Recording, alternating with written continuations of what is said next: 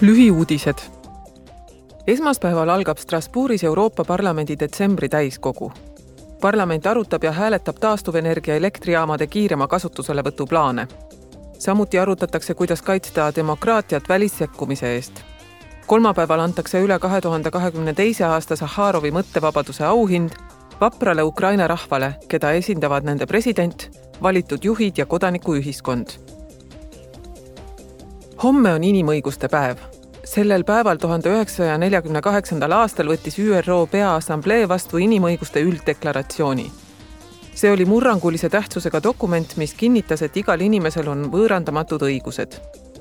tänavuse inimõiguste päeva teema on väärikus, vabadus ja õiglus kõigile Euroopa Liit on inimõiguste kaitsmisel esirinnas nii liikmesriikides kui ka kogu maailmas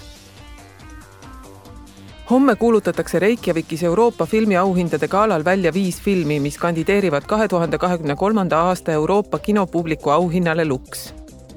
auhinnaga Lux edendatakse kvaliteetset Euroopa kino, mis käsitleb EL-i alusväärtusi. inimväärikust, võrdsust, mittediskrimineerimist, kaasatust, sallivust, õiglust ja solidaarsust